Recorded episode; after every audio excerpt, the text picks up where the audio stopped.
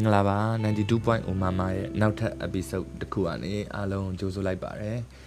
ဒီကျွန်တော်ရဲ့ episode ကိုစမပြောခင်ပါနော်အခုပြောချင်တာလေးတစ်ခုရှိပါတယ်အဲ့ဒါတော့ဒီ COVID-19 ကအခုတနိုင်ငံလုံးအတိုင်းအတာမှာဆိုရင်တော်တော်တော်တော်ဆိုးဆိုးရွားရွားအခြေအနေကအဆိုးဆုံးအခြေအနေလောက်နေနေကိုရှိပါတယ်လူတွေလည်းယာပေါင်းများစွာနေတိုင်းအသက်ဆုံးရှုံးနေရပါတယ်ဆိုတော့ဒီလောလောဆယ်ကြမ်းကြမ်းမမှန်ရှိနေတဲ့လူတွေက ကျွန်တော်တို့ရှိသမျှလိုအပ်သမျှ precaution အကုန်လုံးယူပြီးတော့ကျွန်တော်တို့အာဂယုတစိုက်လေးတော်တော်နေနိုင်မှအာတော်ရုံကြမယ်လို့ထင်ပါတယ်အဲ့တော့ဒီ mask တက်တာတို့ဒီလက်ဆေးတာတို့ပေါ့နော်အဲ့ဒါတွေကိုကျွန်တော်တို့ပို့ပြီးတော့ဂယုတစိုက်လောက်ရမယ်လည်းထင်ပါတယ်နောက်တစ်ခုကကျွန်တော်စဉ်းစားမိတာပေါ့နော်ဒီ covid ကဟို flu လိုမျိုးနောက်ပိုင်းပုံမှန်အောင်ဖြစ်သွားမယ်နဲ့တူတယ်တစ်နှစ်တစ်ခေါက်ဒါမှမဟုတ်အဲ့လို6လတစ်ခေါက်လောက်သူ strain နေအစ်စ်ပေါ်နေပြီးတော့ ဒီဒုက္ခအမျိုးမျိုးဒီနီးမျိုးစုံနဲ့သူပေးနေတော့မယ်နဲ့တူတယ်အဲ့တော့ကျွန်တော်တို့ကသူ့ကို avoid လဲလုပ်ဒါပေမဲ့ဒီဟိုတက်တက်တိုးရင်လဲတိုးလို့ရလောက်တဲ့ကိုခံအားလိုမျိုးပေါ့နော်မွေးသွားရမယ်နဲ့တူတယ်ဆိုတော့ဒါကျွန်တော်ကျွန်တော်စိတ်ထဲမှာလောလောဆယ်တွေးမိတာကိုပြောတာပါဘာလို့လဲဆိုတော့ဒီကောင်ကတရုံတရုံနဲ့ဟိုလောကကြီးတွေကထွက်သွားမယ် အစာမျိုးမဟုတ်ဘူးလေနော်ဒီအခုကျွန်တော်တို့ပြောရမယ်ဆိုတော့အခုဖြစ်နေတဲ့ကိစ္စတွေအကုန်လုံးကတရုံတရုံနဲ့ထွက်သွားမယ့်ကိစ္စတွေမဟုတ်ဘူးဖြစ်နေတယ်ထားလိုက်ပါတော့အာပြီးခဲ့တဲ့3 4ရက်4ရက်လောက်ကကျွန်တော်ဒီ overseas media တခုနဲ့ကျွန်တော် interview ရပါတယ်အဲ့ဒီမှာအဲ့အမျိုးသမီးကကျွန်တော်ပါမေးလဲဆိုတော့ဒီဗမာပြည်ရဲ့ဒီ art အနာဂတ်ပေါ့နော်ဒီအမှုပညာအနာဂတ်ကိုဘယ်လိုမြင်လဲလို့သူကမေးပါတယ်ဘာဖြစ်သွားနိုင်လဲပေါ့နော်ဒီအတိုင်းဆိုရင် အာကျွန်တော်အဲ့သူ့မေးတဲ့အချိန်မှာသူကျွန်တော်မေးတဲ့အချိန်မှာကျွန်တော်ဖြေရမယ့် mood ကလည်းအဲ့တော့အရန်မကောင်းဘူးပေါ့လေဒီတွပီလည်းစုံနာပြီးသားမကြသေးဘူးဆိုတော့သူကတွပီအကြောင်းမေးချင်တာလည်းပါတယ်ဆိုတော့အာဒီ hopeless အရန်ဖြစ်နေတဲ့ကိစ္စကိုကျွန်တော် detail တော့မပြောပြလိုက်ဘူးဘယ်လိုမှတော့ကောင်းလာမယ်လို့လောလောဆယ်မမြင်ဘူးပေါ့လေအဖက်ဖက်ကကြည့်ရင်အဲ့လောက်ပဲကျွန်တော်အာရိတ်ဖန်းတတ်မှန်လောက်ပဲကျွန်တော်ပြောလိုက်တယ်တခြား topic တွေလည်းပြောချင်တာကြောင့်လည်းပါတာပေါ့လေ ဆိုတော့အဲ့ဒါသူနဲ့ interview ပြီးတော့မှကျွန်တော်တတိချာချာထိုင်စဉ်းစားဖြစ်တယ်အဒီကိစ္စအခုတည်းကစဉ်းစားရလည်းမဟုတ်ပါဘူးအခုစဖြစ်တဲ့ကကျွန်တော်ကြိုကြိုပြီးတွေးမိတဲ့ကိစ္စပေါ့နော်အတွေးခေါင်တာလည်းဖြစ်နိုင်တာပေါ့ကျွန်တော်တို့ရဲ့ဒီဗမာဗမာပြည်ရဲ့ဒီ art စီရေးစည်းချောင်းဘယ်ကိုသွားနေတော့မလဲပေါ့အခုဘယ်ကိုသွားကြတော့မလဲပေါ့ဘယ်လိုလုပ်ကြတော့မလဲပေါ့နော်အဲ့ဒါကိုတွေးမိတယ်အဲ့ဒါအမှန်တော့ဟို ရှူတောင်းနေရတော့အများကြီးပေါ့ဟိုဒီပညာရှင်စဉ်းစားမယ်ဆိုတော့အများကြီးထည့်ပြီးစဉ်းစားမယ်ကိစ္စပေါ့နော်ကျွန်တော်တို့လူလူဘိန်းလိုပဲတွေးကြည့်တာပေါ့ကျွန်တော်တာမန် citizen တယောက်အနေနဲ့ပဲစဉ်းစားကြည့်တာပေါ့နော်ကဲကျွန်တော် art ဆိုတာဒီမှာဆိုရင် music ပါမယ်ရုပ်ရှင်ပါမယ်ဂီတသဘင်အာစာပေ cartoon and then um ဒီပကြီးပေါ့အဲအဲ့ဒါတွေအကုန်ပေါ့နော်ခြုံငုံပြီးတော့အခုကျွန်တော်ပြောကြည့်အောင်စဉ်းစားကြည့်အောင်ပေါ့ဘာဖြစ်သွားနိုင်လဲဆိုတော့ အဲ့တော့ဘာဖြစ်သွားနိုင်လဲဆိုတာကိုမပြောခင်ဘာဖြစ်ခဲ့လဲဆိုတာကိုတစ်ချက်ကျွန်တော်တို့ recap လုပ်ကြည့်အောင်ပြန်ပြီးတော့ um အပြန်ပြီးတော့ဘယ်လိုခေါ်လဲ flashback ခေါ်လားရုပ်ရှင်ထဲမှာလို့အဲအတိတ်ကိုပြန်ပြီးတော့သွားကြတာပေါ့ဗျာတစ်ချက်ပြန်စဉ်းစားကြည့်အောင်အဲ့တော့ကျွန်တော်တို့စီမာကဒီလွတ်လပ်ခွင့်ပေါ့ဒီအမှုပညာလွတ်လပ်ခွင့်อ่ะဘယ်တုန်းနဲ့ကမရှိတော့တာလဲဆိုတော့ဘယ်တုန်းနဲ့ကမရှိနေမှန်းကိုကျွန်တော်သိချာမသိဘူးကျွန်တော်မွေးကလေးကမရှိဘူးအဲ့ဒါတော့ကျွန်တော်သိတယ် ဆိုတော့ကျွန်တော်မွေးကလေးကနေ2010 2010အောင်မှာ it's a little bit edgy အလဲမှာပဲရှိသေးတယ်2000ဒီ11 12လောက်ပေါ့နော်အဲ့လောက်အထိကကျွန်တော်တို့စီမှာအာစပီလွတ်လပ်ခွင့်ရောဒီလွတ်လပ်စွာပြောဆိုခွင့်ပေါ့နောက်ဒီ rights တွေဒီအဓိကဒီအမှုပညာလွတ်လပ်ခွင့်ပေါ့နော်အဲ့ဒါလုံးဝမရှိခဲ့တလောက်ပဲပေါ့ဆိုတော့အားလုံးက အကြောင်းအရာ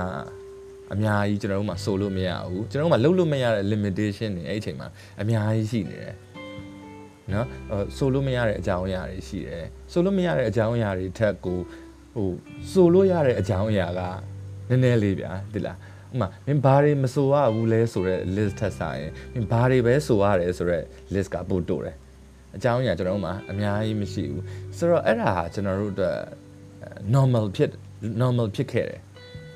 နော်ကျွန်တော်တချင်းစနာထောင်တက်ခရဲဟာဗမာပြည်တချင်းနေဆိုရင်များတော့အဖြစ်ဒီအချစ်တချင်းနောက်ဘဝတချင်းဆိုလဲဘဝတချင်းကိုဒီပပလေးပဲဒီပြောလို့ရတဲ့တချင်းပေါ့နော်အဲ့ဒါတော့မပြောပါလာအောင်နေပါတယ်ဆိုတော့အဲ့လောက်နဲ့ပဲကျွန်တော်တို့ကသွားနေရတော့ဒါဒီတချင်းဆိုတာအာဒါပဲပေါ့နော်ဒီလောက်ဒီလောက်ပဲဆိုပြီးကျွန်တော်တို့ရဲ့ reality ကအဲ့လိုပဲတိဆောက်ခဲ့ရတယ်တချင်းနားထောင်နေဒီအကြောင်းအရာတွေပဲဒါတွေပဲ ဆိုတော့တခါလေနည်းနည်းလေးထူးဆန်းတဲ့တချင်းအကြောင်းအရာပါလာကျွန်တော်အငမ်းမရလိုက်နားထောင်ရတယ်အဲ့ဒါကလည်း၄50နှစ်လောက်မှတပုတ်ကောင်းတစ်ပုတ်ကောင်းအဲ့လိုမျိုးပေါ်လာတတ်တယ်အဲ့ဒါကလည်းကံကောင်းလို့နော်ဆိုတော့အဓိကကတော့ဘာလဲဆိုတော့ဒီ suppression ခေါ်တာပေါ့ဒီဗဟိုထိန်းချုပ်မှုပေါ့အဲ့တော့ဗဟိုထိန်းချုပ်မှုอ่ะဒီ art ပေါ်မှာပါအကြီးအကျယ်လာပြီးတက်ရောက်နေတဲ့အခါဘာတွေဖြစ်လာကြလဲဆိုတော့လူတွေက တချင်းကိုကျွန်တော်တို့ကစရေးတဲ့อ่ะ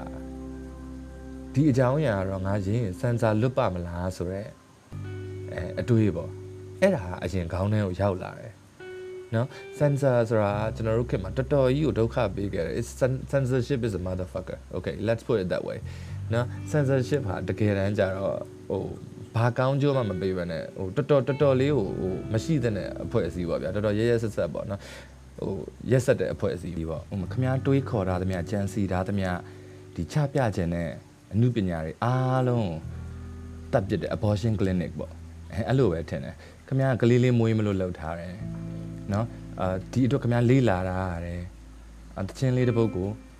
စလုံးလေး twist and turn လေးတစ်ခုဗျာအမ word word play လေးတစ်ခုခမားလှုပ်ချင်တယ်အများကြီးခမားစဉ်းစားပြီးတော့ဒီကလေးကနေစီလာစီ recording ကမွေးလာတယ်အမွေးတော့မယ်ပေါ့ recording တီးပြီးသွားပြီ သူ့ကိုအပြင် public ကိုထုတ်ပြဖို့အချိန်ရောက်တဲ့ခါမှာ censor board ကအဲ censorship က no မရဘူးဒီကလေးကအများအမြင်မှာပြဖို့မတင်တော့ဘူးဆိုတော့မင်းကလေးကိုမင်းတက်ပြရလိမ့်မယ်ဒါမှမဟုတ်ပြောင်းပြတခြားတစ်ခုလုပ်ပြ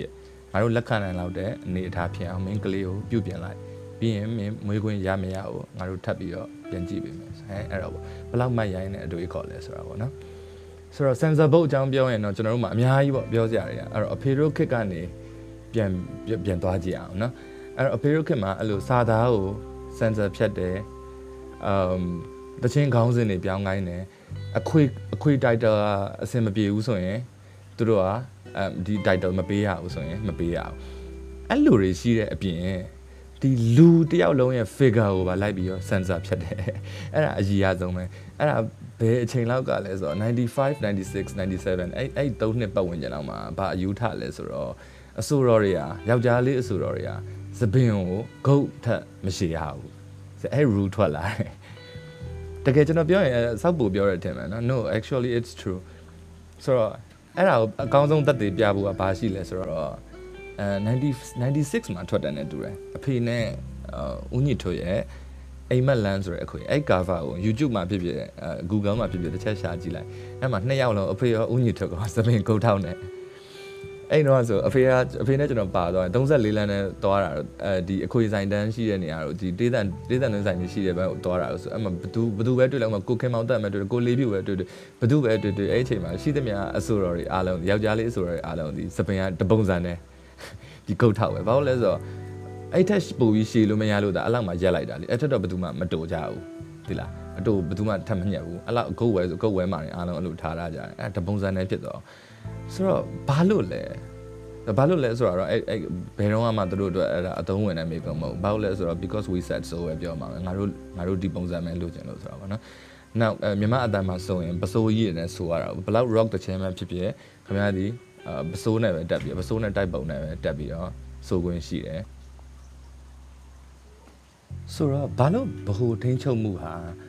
ဒီအမှုပညာသမားတွေပေါ်မှာအရန်တက်ရောက်နေလဲဘာလို့ကျွန်တော်တို့အရန်ထိန်ချုပ်ထားခဲ့တာလဲဆိုတော့ဆိုတချင်းဒီတချင်းမဲ့ဖြစ်ဖြစ်ဒီ art form တခုဒီကြပြပဲဖြစ်ဖြစ်ပေါ့နော်အဲ့ဒါဒီအာလူတွေကြားထဲမှာပြန့်နှံ့ဖို့ပေါက်သွားပြီဆိုရင်ပြန့်နှံ့ဖို့အင်မတန်လွယ်တယ်ပြီးတော့ဒီ data တခုအကောင်းထဲကိုရောက်သွားပြီဆိုတာပြန်ထုတ်လို့မရဘူးလေနော်ပြန်ပြန်ယူလို့ပြန်ပြန်သိမ်းလို့မရဘူးဒီအခွေတွေကိုပြန်သိမ်းလို့ရတယ် ဒီရောက်သွားပြီးတဲ့ data ဒီအတွေးအခေါ်အပိုင်းအစားတခုကိုသူတို့ပြန်လိုက်သိမ်းလို့မရဘူးအဲ့ဒီတော့ဒီ um military အာထားပါတော့ဒီအာနာရှင်ပေါ့ဒီအာနာရှင်တွေကအာဒီသချင်းတစ်ပုတ်ဒီကြပြတစ်ပုတ်အဲ့လိုပောက်သွားမှာ哦သူတို့အာသူတို့မလို့လာတဲ့ message တခုအပြင်ကိုရောက်သွားမှာ哦အရန်ကြောက်ကြတယ်အဲ့ဒီအတွက်ကျွန်တော်တို့ကိုပြင်းပြင်းထန်ထန်ကိုဖိနှိပ်ခဲ့တယ်ဆိုတော့ကျွန်တော်ပြောချင်တာဒီမှာတချင်းနေမကအောင်เนาะကြပြတွေဆိုပိုတောင်ဆိုသေးတယ် ကြပြနောက်ကာတွန်းစီနောက်ပကြီးပြာ အဆိုးဆုံးကပကြီးပကြီးကားတခုอ่ะပကြီးကားကိုကျွန်တော်ကိုခွန်စော်လက်တို့ပြပြဦးတယ်ပကြီးကားကိုအဲစန်ဆာတင်ရတယ်ပကြီးပြပွဲလုပ်ဖို့ဆိုရင်အဲ့တော့အဲ့တော့တာမန်ဒီဖျားပုံတို့ဒီဇေဒီပထိုးပုံတို့ဘာလို့ထက်စားရင်အဲ့ဒါပဲအဲ့ဒါအဲ့ဒါအဲ့ဒါနေမှာပို့ပြီးတော့ထပ်ပြီးတော့ကွန်မြူးခြင်းတယ်ဆိုရင်အဲ့တော့ခင်ဗျားဒီ abstract artist ပဲဖြစ်ဖြစ်เนาะတခြား expressionism ဘာဘာပဲဖြစ်ဖြစ်ဗျာဒီဟိုတာမန်ချက်ချင်းကြည့်လိုက်လို့အော်ဒါဘာပုံကြီးပါဟဲ့ဆိုတာမျိုးမသိတဲ့ပုံတစ်ခု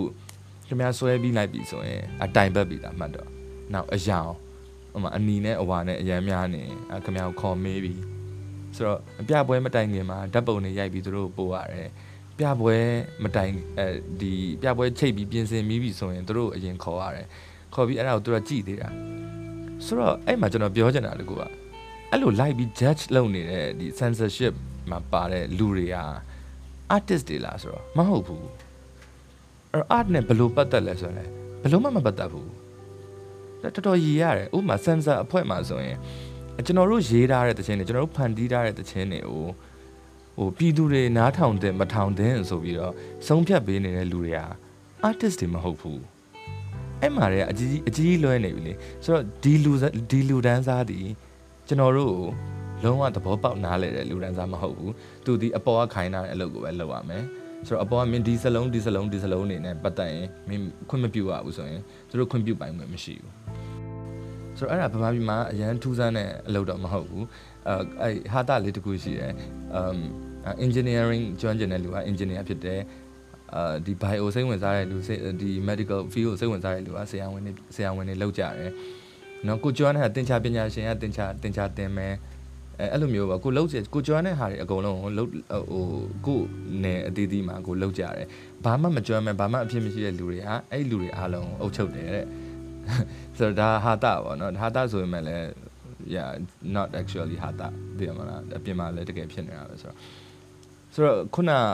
အဲ censorship ပဲထားပါတော့ကျွန်တော်တို့က music သမားဆိုဒီ music ဒီဂီတဂီတနဲ့ပတ်သက်တဲ့ censorship censorship ကိုကျွန်တော်တို့ကအများကြီးကြုံခဲ့ရတာပေါ့အဲ့မှာကိုကိုမမောင်စော်လက်တစ်ခေါက်ပြောဘူးတာဆိုရေးရတယ်သူတချင်းကို censor တင်တော့အာသူခေါ်ပြောတာကျွန်တော်အဲ့ခေါ်တွေ့တဲ့ကိစ္စ sensor sensor အဖွဲ့မှာကျွန်တော်တို့ဆိုဒါစမ်းတဲ့ကိစ္စမဟုတ်တော့ကျွန်တော်ခက်ခဏခေါ်တွေ့ခံပြီးပြောဒါပါလဲမင်းပါရေးတာလဲဆိုပြီးလို့ခေါ်ခေါ်မေးတာဗျာတလားအဲ့တော့တချင်းရေးပါတယ်ဆိုမှဗျာ ကိုတချင်းကဘာကြီးပါကျွန်တော်ဘာလို့ဆိုလိုတာပါဆိုတာအဲ့ဒါတကယ်တော့ art အခွင့်အရေးကိုချိုးဖောက်တာပဲကြပြသမားတွေကိုဆိုလဲဒါဘာရေးပါတယ်ဘာညာဆိုတာအဲ့လိုမေးလို့မရဘူးဗျအဲ့ဒါအင်မတန်ရိုင်းတာဆိုတော့အဲ့ဒီလောက်ဒီ basic sense လေးတောင်သူတို့မှမရှိဘူးမရှိတော့ကဲကိုဇော်လက်ပြောတာဆက်လိုက်အောင်ကိုဇော်လက်တချင်းကရေးနေရင်တန်ဟို तू ကစစ်နေရင်တန်လန်းနဲ့ဟင်းအောင်နဲ့ဒီနေကမင်းဒီလိုလေးဆိုလိုက်ရင်ရတယ်လေကွာပေးပေးပေးဆိုဘောပန်ရေးဘောပန်ယူပြီး तू ကအဲ့စာသားကိုချစ်ပလိုက်ပြီး तू ကအပေါ်ကနေ तू ကဝင်ရေးတယ်ကိုမမောင်ဇော်လက်ရေးထားတဲ့စာသားကို ပြီးအဲ့တိုင်းလေးဆိုချင်းဆိုချင်းဆိုပြီးတော့သူ့ပြန်လိုက်တောင်ဆိုခိုင်းလိုက်တယ်အဲ့လိုလေးအစားထုတ်လိုက်လို့မရဘူးလားဆိုပြီးဆိုတော့အဲ့မှာဘာကိုသွားတွေ့လဲဆိုတော့လူတွေကမင်းဒါလုပ်လို့အမိန်ပေးလိုက်တာ ਨੇ သူဒီဟာကိုကျွမ်းတယ်ဒီဟာဝင်ပြီး तू judge လုပ်ပိုင်ခွင့်ရှိတယ်သူရဲ့ဒီ point of view ဒီအာ valid ဖြစ်ပါတယ်ဆိုတာကို तू ယုံကြည်သွားပုံပဲဆိုတော့အလောက်အုံနောက်မရှိတဲ့လူတွေကပေးနားထောင်တဲ့တခြင်းကိုပဲဒီ general public ကနားထောင်ခဲ့ရတယ် နော်ဆိုခုနကပကြီးကားကိုစံစာဖြတ်တဲ့ကိစ္စဆိုရင်ဗျာအဲ့ဒါဒါဒါဟို beyond the words ပါနော်ဘာမှပြောနေစရာဟိုပြောစရာကိုမရှိတဲ့ကိစ္စပေါ့နော်ဆိုတော့အဲ့ဒါကြီးနဲ့ကျွန်တော်တို့ကနှစ်တည်းအကြာကြီးနေခဲ့ရပြီးတော့ကျွန်တော်တို့တချင်းစရေးတော့လေ censorship အောက်မှာပဲပေါ့နော်ကျွန်တော်ဆိုတော်တော်တော်တော်ကြီးကိုတို့နဲ့စကားတွေအများကြီးပြောခဲ့ရတယ်ခေါ်ပြီးတော့ အဲ့လိုနှစ်ရက်သုံးရက်လောက်တို့နဲ့တွားပြီးတွေ့နေရတာတို့ပါအဲ့လိုမျိုးရှိတယ်ဥပမာ33တချင်းတုန်းကဆို oh my god အဲ့33တချင်းလေးဒီထွက်လာဖို့ကျွန်တော်မှလေတွားပြီးတော့ရှင်းလိုက်ရတာရှင်းလိုက်ရတာဆိုတော့ဒီဇာသားကဒီလိုပါဒီဇာသားကဒီလိုဖြစ်တာပါဒီဒီဒီ psychological ကိစ္စတစ်ခုဗျာဒီဒီ abstract ဒီ emotional ကိစ္စတစ်ခုကိုဒီနှလဘိန်းတုံးပဲကြီးနားလဲအောင်ကျွန်တော်ကအဲ့လို3ရက်လောက်သွားပြီးရှင်းပြတော့မှသွားအေးပြီးရောပြီးရောဆိုပြီးတော့အဲ့တချင်းကိုအဲဆိုခွင့်ဒီထုတ်ခွင့်ပေါ့နော်ပေးလိုက်တယ် ဆိုတော့အဲ့လိုမှသူတို့ကအစင်မပြေဘူးဆိုရင်လည်းဒီစာသားပိုင်းကိုထိန်းချုပ်လို့သူတို့အစင်မပြေတဲ့ဟာတခုခုထွက်သွားပြီဆိုရင်လည်းသူလိုက်သိမ်းနိုင်တာဥပမာကိုလေးပြူ power 54ဆိုရင် power 54ဆိုတဲ့အခွင့်ထွက်သွားပြီးတော့မှ54စလုံးမရဘူးဆိုပြီးတော့အဲ power အဲ့အခွေတွေအကုန်လုံးလည်းပြန်သိမ်းတယ်ပြီးရင်ဒီထွက်ပြီးသားအခွေကြီးကိုတော့ပြင်ခိုင်းတာနော် ဆိုသူတို့ရဲ့ authority ကဆို very wide กว่าတလားခင်ဗျားကိုသူတို့မျိုးစုံလှုပ်လိုက်လို့ရတယ်ခင်ဗျား ဟိုတနေရာမှာဟုတ်တနေရာမှာသူများခင်ဗျားကိုဒုက္ခလိုက်ပေးလိုက်လို့ရတယ်ဗျာမခင်ဗျားအခွေထွက်သွားတယ်သူတို့မကျေနပ်ဘူးဆိုခင်ဗျားစင်မော်တက်တယ်ခင်ဗျားရဲ့ stage life ကိုသူတို့လိုက်ပြီးပါဝင်ပတ်သက်လို့ရတယ်ဒုက္ခပေးလို့ရတယ်စင်မော်မှာစိုးနေတော့ခင်ဗျားကိုဖမ်းသွားလို့ရတယ်ဆိုအဲ့လိုမျိုးတော့မကြုံဘူးဒါပေမဲ့အဲ့လောက်နီးနီးအတွေ့အကြုံတော့ကျွန်တော်နှစ်ခါကြုံဘူးတယ်အဲ့ဒါပထမတစ်ခေါက်ကအာကျွန်တော်ဒီ Alliance Française ဆိုဒီဒီဒီ France Institute သူတို့နဲ့ကျွန်တော်နဲ့ပထမဆုံးလုပ်တဲ့ပွဲပြင်သစ်ကဘန်တဘန်လာတယ်ကျွန်တော်တို့တီးတယ်အဲ့တော့အမျော်စင်ကျိုးမှာဆိုရင် သူ free show ဆိုရင်သူတို့ရဲ့ rules เนาะဒါသူတို့ထုတ်ထားတဲ့ rules က free show ဆိုရင် permit တင်စရာမလိုဘူးဆိုတော့ပြင်သစ်တန်ရုံကလည်း permit မတင်လိုက်ဘူးသူတင်စရာမှမလိုတာเนาะဆိုတော့ပြီးတော့ free show လုပ်နေတော့တန်လန်းမှာမှာစိုးနေတဲ့အချိန်စဆိုနေတဲ့အချိန်မှာမှအဲလူကြီးတယောက်ကလာပြီးဒီပွဲကိုအခုချက်ချင်းရက်ဆိုပြီးလုပ်တယ်ဒါပေမဲ့ရက်လို့မရတော့တဲ့အတွက်ကျွန်တော်တို့ကဆက်တီးလိုက်တယ်ဘာလို့လဲပဲမေးစရာမေးစရာအချိန်မရှိလိုက်ဘူးတချင်ပွဲကိုတော့ပြီးအောင်တီးလိုက်တယ်တီးပြီးတော့မှကျွန်တော်ပြဿနာတွေတက်တာတက်တာဆိုတော့သူတို့က ဒီပြင်သစ်ဘန်ကိုပြဿနာမရှာဘူးကျွန်တော်ကိုခေါ်ရှာတာကျွန်တော်ကိုခေါ်ရှာတာကလည်းဘယ်ကပြဿနာအဓိကရှာတာလဲဆိုတော့ဂီတအစီယုံอ่ะเนาะဂီတအစီယုံဆိုတော့ကျွန်တော်တို့ကိုကူညီရမယ့်အဖွဲ့အစည်းကကျွန်တော်ကိုခေါ်တယ်ခေါ်ပြီးတော့ဘာလို့မင်းနိုင်ငံခြားသားနဲ့ဆိုတာလဲဆိုပြီးတော့နိုင်ငံခြားသားနဲ့ဆိုတာကိုဘာလို့အတိမပေးတာလဲဆိုပြီးတော့ဆိုတော့ that's not my business ကျွန်တော်ဆောက်လုံးမှမဟုတ်တာဟုတ်တယ်မလားကျွန်တော်ကဂျားတဲ့ agent ကခေါ်တယ်ကျွန်တော်ဆိုဆိုကျွန်တော်ဆိုချင်တဲ့ band နဲ့ကျွန်တော်ဆိုချင်တဲ့အချိန်မှာကျွန်တော်ဆိုမှာပေါ့ ကျွန်တော် official work တွေကျွန်တော်လာမပြောနဲ့လေကျွန်တော်ဘယ်သိမလဲဆိုတော့နောက်ပြီးတော့ permit ဘာလို့မတင်တာလဲဆိုတော့ permit ကတင်စရာမလိုဘူးလေဒီ free show လေကျွန်တော်တို့ပတ်စံကောက်တဲ့ပွဲမဟုတ်ဘူးလူတိုင်းလာကြည့်လို့ရတယ်ပွဲဒါပေမဲ့နိုင်ငံခြားသားတွေနဲ့ဆိုတာတဲ့ဆိုတော့အဲ့ဒါဆိုနောက်တစ်မျိုးပေါ့အဲ့လိုလားဟာအဲ့မှာပြဿနာတွေတက်ကြအောင်ဟုတ်လားတက်ပြီးတော့ကျွန်တော်ကိုပိတ်ပလိုက်တယ်တချင်းဆိုကွဒါပေမဲ့ဖြစ်ချင်တော့သူကကျွန်တော်နာမည်နဲ့ဟန်ထူးလွင်နာမည်နဲ့သူ stage နာမည်နဲ့ကိုသူကပိတ်လိုက်တဲ့အတွက်ကျွန်တော်ကမသိဘူး ဘာလို့လဲဆိုတော့ကျွန်တော်စင်မှာဆိုကျွန်တော် big bag နဲ့ဆိုတာကိုဆိုအဲ့6လလုံးသူတို့ကသာပိတ်ထားကျွန်တော်မသိဘူးစိုးနေပွဲတွေစတကြံနေပါလေဆိုတယ်6လပြည့်တော့မှကျွန်တော်အဲ့လိုယုံသူတို့ယုံတယုံကနေကျွန်တော်ခေါ်တယ်ကျွန်တော်သွားပြီးတော့အာမင်းတချင်းဆိုလို့ရပြီနော်တဲ့ပြန်ဆိုလို့ရပြီလလိမ္မာမနေတော့ဘာညာဆိုပြီးတော့ကျွန်တော်ဟောဘာဘာဘယ်တော့မှပိတ်လိုက်တာလဲပေါ့နော်ဟာတဲ့မင်းပြင်သစ်တင်တဲ့ဆိုတော့ကလေတဲ့အဲ့တုန်းကမင်းပိတ်ထားတာပေါ့နော်ဆိုတော့အဲ့တခါတော့ကျွန်တော်မသိလိုက်ဘူးသူတို့ကလည်းမသိဘူးဆိုတော့ကျွန်တော်လွတ်သွားတယ်နောက်တစ်ခေါက်ကကြတော့ကျွန်တော် ဒါစန်ဆာအကြောင်းပြောနေတာမဟုတ်ဘူးเนาะဒါစန်ဆာအကြောင်း only နဲ့မဟုတ်တော့ဘူးကျွန်တော်တို့ရဲ့ဒီဒီအမှုပညာသမားတွေရဲ့ live ထဲမှာသူတို့ဒီဗဟိုထိန်းချုပ်မှုကဘယ်လောက်ထိဝင်ပြီးပါဝင်ပတ်သက်ခဲ့လဲဆိုတာကိုပြောချင်လို့ပြောပြနေတာဆိုတော့နောက်တစ်ခေါက်ကကြတော့ကျွန်တော် HIV center တခုကိုကျွန်တော်အလှလုပ်ဖို့ရောက်သွားတယ်ကျွန်တော်တယောက်တည်းမဟုတ်တခြား artist တွေလည်းပါတယ်သွားတဲ့အချိန်မှာဟိုရောက်တော့ကျွန်တော်အခြေအနေကြည့်တော့ကျွန်တော်အဲ့တော့အာကျွန်တော်ဆေးကမ်းမှာအလုပ်လုပ်နေတော့သွားဆေးသွားဆေးဆရာဝန်အနေနဲ့ကျွန်တော်အလုပ်လုပ်နေတဲ့အချိန် ဆိုတော့တွေ့တော့ဟို HIV patient တွေဆိုတော့ဗျာပါဇက်ထဲမှာဒီ oral manifestation တွေအများကြီးရှိတာပါဇက်ထဲမှာဟိုရေယုံတွေပေါက်နေတာတော့နော်အထဲမှာအနံစိမ်းတွေဒီအာကောင်ထဲမှာပေါက်နေတာတော့အများကြီးတွေ့ခဲ့တာတွေ့တော့ကျွန်တော်ကကြတော့ဟိုအဲ့အချိန်မှာသွားဆရာဝန်စိတ်ကလည်းရှိနေတော့အဲ့ဒါကိုကျွန်တော်လုပ်ပေးခြင်းတယ်ကူညီခြင်းတယ်ဆိုတော့အဲ့ရကနေအဲ့နေ့ပြန်သွားပြီးတော့နောက်တစ်နေ့မှကျွန်တော်ထပ်သွားလိုက်တယ်ဒါပေမဲ့ကျွန်တော်မသိတာအဲ့နေ့မှအဲ့ shelter ကိုသွားလိုက်တဲ့ကပြဿနာတက်နေပြီဆိုတော့ကျွန်တော်မသိဘူး ဘာလို့လဲဆိုအဲ့ shelter အဲ့တော့အာဒီ NLD ရဲ့ဒီအာအဲ့ရပါတီဝင်တယောက်လာပါတူတူဖွင့်လာတဲ့ shelter ဖြစ်နေလို့ဗျာကျွန်တော်ကအဲ့ဒါကြီးလည်းမသိဘူး HIV shelter ဆိုပြီးသွားလိုက်တာဆိုတော့ကျွန်တော်ကဘယ်သူမှမသွားတော့တဲ့နောက်တစ်နေ့မှာကျွန်တော်နောက်တစ်ခေါက်တစ်ယောက်တည်းထပ်သွားပြီးတော့အဲ့မှာဆေးတွေကျွန်တော်ဒီပါဇက်ထဲမှာထည့်တဲ့ဆေးတွေပေါ့နော်ပါဇက်ပါဇက်အထက်အနာတက်တာတဲ့ဆေးကျွန်တော်သွားလှုပ်လိုက်ပေါ့အဲ့တော့မှပြဿနာအကြီးတက်ပြီးတော့ကျွန်တော်အဲ့လိုဂီတအစီရင်ရမယ်ကျွန်တော်ကိုခေါ်တယ်ခေါ်ပြီးတော့အဲ့ဘာလုပ်တာလဲပေါ့နော် ဆိုတော့ကျွန်တော်လှူတာနောက်ပြီးတော့ကျွန်တော် musician အနေနဲ့သွားတာမဟုတ်ဘူးကျွန်တော်သွားဆရာဝန်အနေနဲ့သွားတာဆိုတော့ကျွန်တော်ပြဿနာရှာခြင်း dental counselor ရှာမှာမဟုတ်ဘူးလားနောက်ကျွန်တော်တက်ခပြန်တိန်သွားခြင်းလဲတိန်သွားလေအခုတချင်းဆိုတဲ့အလုံးနဲ့ဘာဆိုင်လို့လဲပေါ့နော်အဲ့မှာအဲ့ဂီတအစီရင်ဥက္ကဋ္ဌကျွန်တော်ဘာပြောလဲဆိုတော့နိုင်ငံတော်ကဖွင့်ထားတဲ့တခြား HIV center တွေအများကြီးရှိတယ်ပေါ့နော်ဘာလို့အဲ့ဒီကိုမတော်လဲပေါ့ဆိုတော့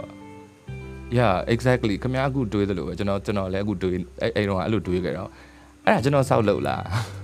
ကျွန်တော်လှူချင်တဲ့နေရာမှာကျွန်တော်လှူမှာပေါ့ကျွန်တော်ရောက်သွားတဲ့နေရာမှာကျွန်တော်ပေးချင်တဲ့လူကိုကျွန်တော်ပေးချင်တာပေးမှာပေါ့နောက်ပြီးအဲ့ဒါနဲ့ကျွန်တော် music career နဲ့ဘာဆိုင်လဲ right ဆိုတော့ဒါပေမဲ့မရအောင်အဲ့တော့ကျတော့ကျွန်တော်အားလုံးပိတ်ပလိုက်တယ်အားလုံးပိတ်ပစ်တယ်စင်မမလဲဆိုလို့မရတော့အခွေလဲထုတ်လို့မရတော့တဲ့အပြင်ကျွန်တော်အဲ့အချိန်မှာ radio ဌာနမှာလည်းအလုပ်လုပ်တယ် radio ကျွန်တော် Cherry FM မှာကျွန်တော် program မှာလုပ်နေတဲ့အချိန်ကျွန်တော် program တွေပါဘေးမလွတ်တော့ဘူးနောက်တစ်ခုကရည်ရတာအဲ့တော့မြမအတန် ငါ program တစ်ခုမှကျွန်တော်ကသွားပြီးတော့ရိုက်ပေးတာတယ်ကျွန်တော်တို့ band တီးတာကိုအဲ့အဲ့အဲ့ show ကိုအဲ့နေ့မှာမြန်မာအတန်မှာလွှင့်မဲ့နေ့မှာသူကြော်ညာပြီးသားဟိုတော့မလွှင့်တော့ဘူးအလောက်ထိလိုက်ပြီးတော့အဲ့လိုကျွန်တော်လှုပ်ကြတယ်ပေါ့နော်ဒါပေမဲ့6လလောက်ကြာတော့အဲ့လိုပဲတခါခေါ်ပြီးတော့အဲပြန်ဆိုတော့ပြန်ဆိုတော့ဆိုပြီးတခါပြီးသွားပြန်အောင်အဲ့တော့အဲ့လောက်အားလုံးဖိနှိပ်ချုပ်ချယ်ထားတဲ့ခစ်ကြီးကနေ2012နောက်ပိုင်းလောက်ကြာတော့အဲ့ sensor board ကြီးမရှိတော့ဘူးမရှိတော့ဘဲနဲ့ အမင်းတို့ရေးချင်တာရေးကြတော့ဆိုပြီးဖြစ်သွားအောင်အဲ့ဖြစ်သွားတဲ့အခါကျတော့တခြားလူတွေတော့မသိဘူးကျွန်တော်ကဘာဖြစ်လဲဆိုတော့ကျွန်တော်အုံနောက်တည်ပချင်းရေးတယ်တကယ် mind fuck နော်သူတို့လောက်ခဲ့တာလေဒီ sensor ကြလားမကြလားဆိုတာကိုကိုကကိုစရေးတဲ့ကအဲ့စလုံးရှောင်ပြီးတော့ရေးတဲ့အကျင့်ကြီးကကျွန်တော်ခေါင်းထဲမှာစွဲနေရောစွဲနေတော့တကယ်တမ်းမင်းရေးချင်တာရေးတော့ဆိုတဲ့အချိန်ကျတော့ဘာရေးရမှမသိတော့ဘူးတိလားအဲ့ကျွန်တော်တယောက်တည်းဖြစ်တာလားတခြားဟို တခြားတချင်းရေးတဲ့လူတွေလည်းဖြစ်လာတော့ကျွန်တော်မသိဘူးအဲ့ဒီမှာအဲ့လိုသူတို့သူတို့ရဲ့ interference မပါဘဲနဲ့သူတို့ဝင်နှောက်ယှက်တဲ့ဒီအတွေးတွေကိုဒီ sensor တင်စရာမလိုတော့ဘူးဆိုတာကိုဖျောက်ပြီးတော့တချင်းရေးတတ်ဖို့ပြန်ကျင့်ရတယ်ကျွန်တော် brain ကိုကျွန်တော်ပြန် train ရတယ် okay you are free now you are free now ကျွန်တော်တစ်ချိန်လုံးကျွန်တော်ခေါင်းကိုကျွန်တော်သတိပေးရတယ်မင်းရေးလို့ရပြီဆိုတော့အဲ့နှစ်နှစ်နှစ်နှစ်သုံးနှစ်လောက်ကြာတော့မှအဲ့မှာကျွန်တော်တီးခံတို့ဘာလို့ ထွက်လာတာပေါ့နော်ဒါပေမဲ့အရင်တည်းကကြတော့ကံကောင်းမှရမယ်အဲ့ဒါမျိုးတွေကဥမာအရင်တိုင်းရန်ကုန်လိုမျိုးတခြင်းဆိုဒဲတွေ့တဲ့တခြင်းပဲဗျာဒါပေမဲ့သူတို့အုံတော့ကအဲ့လောက်လိုက်မပြီးတဲ့အတွက်ဒီတခြင်းကို publish ပေးလုပ်လိုက်တယ်ဆိုတော့အဲ့လိုကံကောင်းမှရတယ်အခုကျတော့မဟုတ်ဘူးမင်းအုံနောက်ရှိရင်ရှိသလားမင်းညံစွမ်းရှိရင်ရှိသလားမင်းတခြင်းတွေထဲမှာမင်း message တွေထည့်လို့ရပြီမင်းကြွေးလို့ရပြီဆိုပြီးတော့အဲ့တော့အဲ့လောက်ရောက်ဖို့ချက်ချင်းမရဘူးလို့ကျွန်တော်ပြောချင်တာ နှစ်နှစ်သုံးနှစ်လောက်ကို brain ကိုကို train လွတ်လွတ်လပ်လပ်တွေးတိုင်းအောင်ပြန်ပြီးတော့ train ယူရရှာတယ်ကျွန်တော်တို့လူမျိုးရဲ့ဟိုပြဿနာဒုက္ခอ่ะပေါ့နော်အဲ့ဒီကနေအခြေအနေအားလုံးကောင်းလာပြီးရေးတာတွေလည်းအားလုံးပွင့်လင်းလာပြီးတော့ band တွေဆိုထွက်လာလိုက်တာเนาะအခုကြည့်လိုက် artist တွေ underground မှာရောအရန်မိုက်တဲ့ artist တွေထွက်လာတယ်ဒီလွတ်လပ်ရေးရသွားတယ်ကျွန်တော်တို့ခဏလေးအတွင်းမှာအဲ့ဒီကနေအခုဒုံးဆိုတခါပြန်ပြီးတော့မရတော့ဘူးကျွန်တော်မရေးရတော့ပြန်ဘူး ဆိုတော့ကျွန်တော်သာဆက်ပြီးတော့ art အလုပ်တွေလုပ်နေအောင်မယ်ဆိုရင်ကျွန်တော်ဒီ၄၅နှစ်ဒီ10နှစ်လောက်မှာကိုကိုကိုလွတ်လပ်ပြီဆိုပြီးတော့ train ခဲ့တဲ့ brain ကိုမင်းမလွတ်လပ်တော့ဘူးမင်းအရင်လိုရေးချင်တိုင်းပြန်မရေးရတော့ဘူးဆိုပြီးတော့တခါပြန် train ရအောင်မယ်ကျွန်တော်သာဆက်ပြီးအလုပ်လုပ်နေမယ်ဆိုရင်ကျွန်တော်မလုပ်နိုင်တော့ဘူးအဲ့ဒီမှာကျွန်တော် give up လုပ်လိုက်တယ် နော်ကျွန်တော်ဘာသာကျွန်တော်ဖန်တီးခြင်းဖန်တီးနေမယ်တခြား artist တွေလည်းလို့သူတို့ဘာသူတို့လှုပ်တော့လှုပ်ရင်လှုပ်နေလိမ့်မယ်အခုလဲတော်လိုင်းသချင်းတွေလောက်ကလွှင်းရင်ကျန်တဲ့ဘယ်သူမှဘာမှမလုပ်ချင်ကြတော့ဘူးအကြည့်တတ်လည်းမရှိတော့ဘူးအခုကျွန်တော်နဲ့အရင်တော့အလုပ်လုပ်ခဲ့တဲ့ artist တွေအကုန်ကျွန်တော်အခုဖုန်းဆက်ပြီးမေးကြည့်တယ်အားလုံး studio တော့ပိတ်ပြီးဒီတိုင်းထိုင်နေကြ game ဆော့တဲ့ကောင်ဆိုအဲ့လိုဖြစ်သွားကြပြီဘာလို့လဲဆိုတော့ဒီအကြည်ဓာတ်ပေါ့အကြည်ဓာတ်ဆိုတာလည်းဗျာပတ်ဝန်းကျင်ကိုကြည့်လိုက်ရင် တချင်းရေးချင်စရာလေးဒီ present presentation တခုလေးလုပ်ချင်စရာကောင်းတဲ့အခြေအနေလေးလည်းရှိအောင်မှာပေါ့အခုကကြည့်လိုက်အနေထားရုံတွေအများများတယ်နောက်ခုနပြောတဲ့ suppression ကျွန်တော်တို့ဖိနှိပ်ထားတော့မယ်အရာကြီးကိုကျွန်တော်တို့ခံစားနေရပြီနောက်ဖိလည်းဖိထားနေပြီဆိုတော့ဆိုတော့ဒီ digital ခစ်ကြီးမှာဘယ်လို sensor ကိုလုပ်အောင်မယ်ဆိုတော့ကျွန်တော်မပြောတတ်ဘူးဒါပေမဲ့ခုနကပြောသလိုသူတို့မလိုချင်တဲ့ message တခုအာဒီ art form တခု publish လုပ်လိုက်ပြီးလူကြားထဲကိုရောက်သွားပြီဆိုတော့တနည်းမဟုတ်တနည်းနဲ့ကို live ကိုသူတို့ခက်ခဲအောင်လုပ်ကြရမယ်အဲ့ဒါတော့ဂျင်းသေးတယ်ဆိုတော့အဲ့လို suppression အကြီးနဲ့ဆက်သွားရင်ဒီဗဟိုထိန်းချုပ်မှုကြီးအောက်မှာကျွန်တော်တို့ဒီအမှုပညာမလွတ်မလပ်အမှုပညာတွေအရန်များလာရင်ဘာဖြစ်လာမလဲဆိုတော့နံပါတ်1အချက်ဟို underground movement အလုံးဝထိုးရက်သွားလိမ့်မယ်နော်ဟို မလုံနေဘူးလို့ပြောတာမဟုတ်ဘူးเนาะလုံနေတယ်ဒါပေမဲ့အခုကျွန်တော်တို့ပြီးခဲ့တဲ့လွတ်လပ်ရေးရတော့ကလို့လှုပ်ထားတဲ့ဟာတွေအကုန်လုံးလူတွေစီကိုချက်ချင်းဒိုးကျော်ပေါက်စီးစင်းဖို့လွယ်ချင်မှလွယ်တော့မယ်ဆိုတော့အဲ့ဒါအရန်ကြာသွားရင်ဘာဖြစ်လာနိုင်လဲဆိုတော့အဲ့တော့မှကျွန်တော်ကအခုစစဉ်းစားရမှာကျွန်တော်ရဲ့အနာဂတ်ကိုเนาะ art တွေအဲ့လိုလွယ်လွယ်ကူကူမစည်းစင်းတော့ဘူးဆိုရင် art မရှိတော့ဘူးဆိုရင်ပေါ့เนาะဘယ်လိုဖြစ်သွားမလဲကဲကျွန်တော် exaggerate လုပ်ကြည့်အောင်ကဲချက်ကားပြီးတွေးကြည့်အောင် အဲ့တော့ဘယ်လိုမျိုး artist တွေပဲကြံခဲ့မလဲဆိုတော့ဒီ suppression အောက်မှာဒီဒီဒီ control အောက်မှာရတယ်ကြည်ကြည်နက်နက်ပဲကျွန်တော်တို့ဒီစာသားလေးလောက်ပဲရေးပါမယ်ဆိုတော့ artist တွေကြံခဲ့မယ်နော်ဒါမှမဟုတ်ခုနလိုမျိုး um လူတွေတလောက်ရာနဲ့ထောင်နဲ့ကြည်ပြီးတေးနေတာကို live လွှင့်ပြီးတော့ဒီသိန်းနေအများကြီးတန်တဲ့ပစ္စည်းတွေဟိုရောင်းနိုင်တဲ့နော်ကိုကိုကို artist လို့ခေါ်တဲ့လူတွေအဲ့လိုမျိုးတွေကတော့ကြံခဲ့မယ် ရေးစင်းနဲ့ချစစ်ချလိုက်တယ်လို့သူတို့ကြံခဲ့မယ်သူတို့ဆက်ရှိနေလိမ့်မယ်အာခုနလို rebellion ဖြစ်တဲ့ artist တွေနော်တခုခုကိုတွေးစေခြင်းနဲ့အာဒီအတွေးပါတဲ့တခြင်းတွေဒီကြပြတွေပကြီးတွေပေးခြင်းတဲ့ artist တွေဟာဟိုဒီ publish လုပ်လို့မရနိုင်တော့တဲ့အခြေအနေနဲ့ကိုယ့်ဟာကိုယ်လေးပဲဒိုင်းရှိုလေးလုပ်နေရတဲ့အခြေအနေတခုကိုရောက်သွားလိမ့်မယ်နော်အဲ့တော့ art မရှိတော့ဘူးဆိုရင်ဘာဖြစ်သွားနိုင်လဲကဘာကြီးอ่ะ အဲ့ဒါလေးကိုကျွန်တော်တို့တစ်ချက်တွေးကြည့်အောင်အဲ့ဒါကိုတွေးကြည့်ဖို့ဆိုရင်အဓိကအမ်သူ့အထီရောက်ဆုံးပေါ့နော်ဥပမာပေးနိုင်တဲ့ရုပ်ရှင်လေးတကားရှိတယ်အဲ့ဒါဘာလဲဆိုတော့ equilibrium the equilibrium ဆိုတဲ့စကားအာရုပ်ရှင်ကား equilibrium အဲ2000လောက်မှထွက်တာဆိုတော့တချို့လည်းကြည့်ဘူးရင်ကြည့်ဘူးလိမ့်မယ်တချို့လည်းမသိရင်မသိလောက်ဘူးပေါ့နော်အဲရုပ်ရှင်ကားအကြောင်းလေးကိုကျွန်တော်နည်းနည်းလေးပြောပြချင်တယ်အဲ့ဒီရုပ်ရှင်ကားထဲမှာအဲ့သူတို့ဒီကဘာကြီးကိုအုပ်ချုပ်နေတာဒီ leftist ပေါ့ ဒီဘက်အာဘာမှမခံစားရဘူးဆိုတဲ့အစိုးရအုပ်ချုပ်တယ်နော်ပြည်သူပြည်သားတွေကဘာမှခံစားခွင့်မရှိဘူးခံစားခွင့်ဆိုတာဟိုဒီ emotional ခံစားခွင့်ပြောတာတခြင်းနားမထောင်ရဘူးကြပြားမဖတ်ရဘူးလှုပ်ဆရာရှိတဲ့အလုပ်ကိုပဲလုပ်ရမယ်အာယုံခံစားမှုဘာမှမလုပ်ရဘူးဘာမှမရှိရဘူးနော်အဲတယောက်နဲ့တယောက် passion passionate လည်းမဖြစ်ရဘူး affection လည်းပြလို့မရဘူးတရိษံလေးတွေဘာတွေကိုချစ်လို့တော့မရဘူးအဲ့လိုဆိုရင်ခမရသည်အပြစ်ဖြစ်တယ် ဆိုတော့ desensitize လုပ်ထားရတယ်လူတွေကိုလူတွေက sensitive မဖြစ်အောင်ဘာလုပ်ရလဲဆိုတော့မနက်တိုင်းကိုကိုကိုစေးတစ်လုံးထိုးရတယ်အဲ့စေးကိုလည်းအစိုးရဝေပုံကြပေးတာတကယ် communist နဲ့ပဲပေါ့ဗျာဒါပေမဲ့အာဟိုအရန်တိုးတက်သွားတဲ့ခေတ်ကြီးရဲ့ communist နဲ့လိုမျိုးဖြစ်သွားတာပေါ့နော်သူသူပြတာတဲ့အခင်းအကျင်းဆိုတော့အဲ့ဒီထဲမှာအဲ့လိုကိုကိုကိုစေး ထိုးပြီးတော့ဒီအကုန်လုံးကဟိုကိုယ့်ရဲ့ sensitive ဖြစ်မှုတွေအားလုံးပိတ်ထား block လုပ်ထားရတဲ့အချိန်မှာတချို့ကခိုးပြီးတော့အဲ့စေးကိုမထိုးမထိုးဘဲနဲ့တိတ်တိတ်လေးတချင်းနားထောင်နေတိတ်တိတ်လေးအပကြီးဆွဲတယ်စာတွေပါရေးတယ်ဆိုအဲ့လိုမျိုးဆိုရင်သူကလိုက်ပြီးနှိမ်နှင်းတဲ့အဖွဲ့ရှိတယ်အဲရုပ်ရှင်မင်းသားအဲ့မှာ Christian Bale ကအဲ့အဲ့တဲ့ကသူကအဲ့တက်ဖွဲ့တဲ့ကသူဒီလုံးဝဘာခံစားချက်မှမရှိဘာ mood မှမရှိဘူးတတ်ဆိုရင်တတ်မယ်အဖမ်းဆိုရင်ဖမ်းလိုက်မယ်နှိမ့်ဆက်ဆိုနှိမ့်ဆက်လိုက်မယ်အဲ့လိုလူပေါ့နော် အဲ तू ကကန်ကောင်းထောက်မှဆိုတာပဲတရက်မှာ तू तू ကို तू ထိုးရမယ်ဆေးကို तू skip လိုက်တယ် skip မိသွားတယ်နော် skip မိသွားတဲ့အချိန်မှာစပြီး तू ပြောင်းလဲလာတာကိုရိုက်ပြတာကြီးကကြောက်စရာကြီးအဲ့အချိန်မှာဘယ်လိုလဲဆိုတော့အဲ့ရုပ်ရှင်ကားကြီးတစ်ခုလုံးရဲ့ setting อ่ะဗျာအယောင်ကတယောင်နဲ့လုံးဝဘာလို့လဲဆိုတော့ဘယ်သူမှလူတွေကမခံစားကြတော့ဘူးလေနော်အယောင်နေတချင်းနေအဲ့ဒါတွေကဘာမှအထိပ္ပယ်မရှိတော့တဲ့အတွက်အားလုံးဒီဒီအုံနီအာ အုံနီခဲရောင်မဟုတ်ဘူးဗျာဘယ်လိုခေါ်လဲ concrete အရောင်ပေါ့ဒီ gray gray everything is gray နော် gray နဲ့ဝတ်တဲ့လူတွေကလည်းအမဲရယ်သို့မဟုတ်အဲ့လိုအဖြူဒါမှမဟုတ်ဘာဘာအရောင်မှမပါတဲ့ဟာတွေပဲဝတ်ကြတော့အဲ့ချိန်မှာသူတယောက်တည်းအဲ့လိုဘာမှခံစားမှုမရှိတဲ့လူတွေကြားထဲကိုသူကစေးမထိုးဘဲနဲ့ရောက်တော့ရောက်သွားတဲ့အချိန်မှာဒီလှေကားလက်ရန်လေးကအစားဒီလှေကားလက်တန်းလေးပေါ့နော်ဘေးကလှေကားတောင်းရင်ကင်တဲ့လက်တန်းလေးဆိုသူသူလက်ချောင်းလေးနဲ့သူပုတ်တယ်သူခံစားဒီ texture ကိုသူခံစားရတယ် အဲ့မှာသူလျှောက်သွားရင်သွားရင်လည်းအဲ့လို underground သူလိုက်ဖမ်းနေကြလူတွေ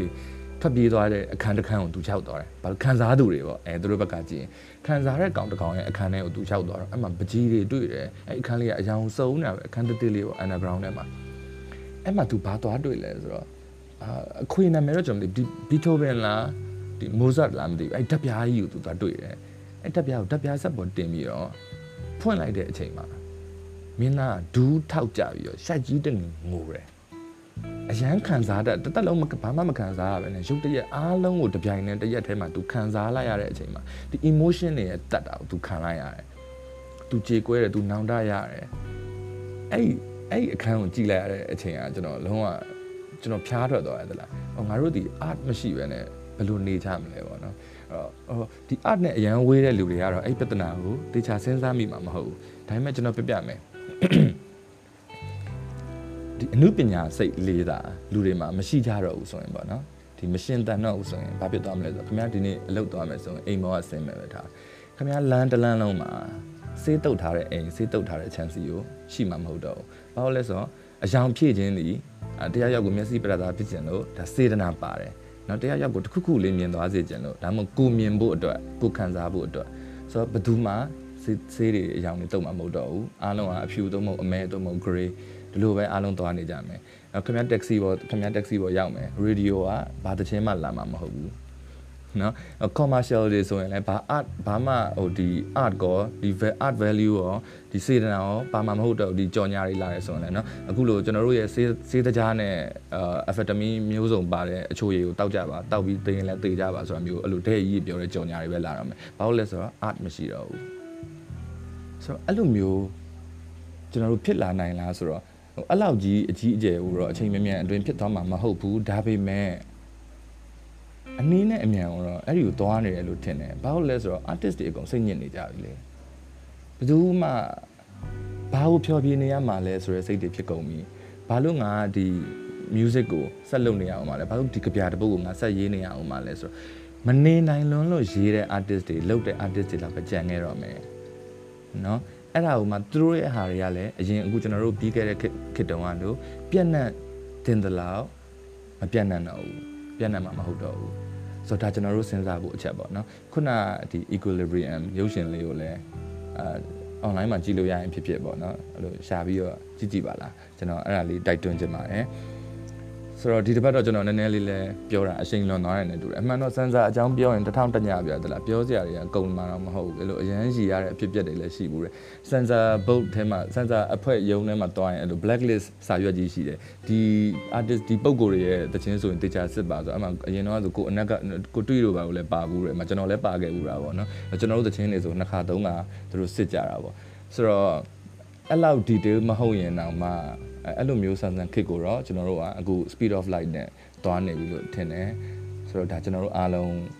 ဒီ art ကိုချစ်တဲ့လူတွေအားလုံးပေါ့နော်ဒါကိုဘယ်လို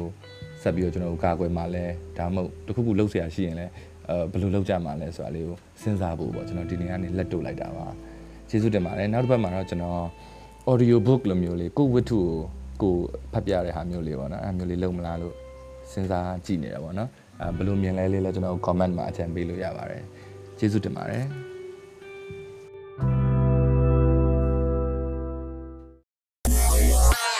This is 92 by your mama.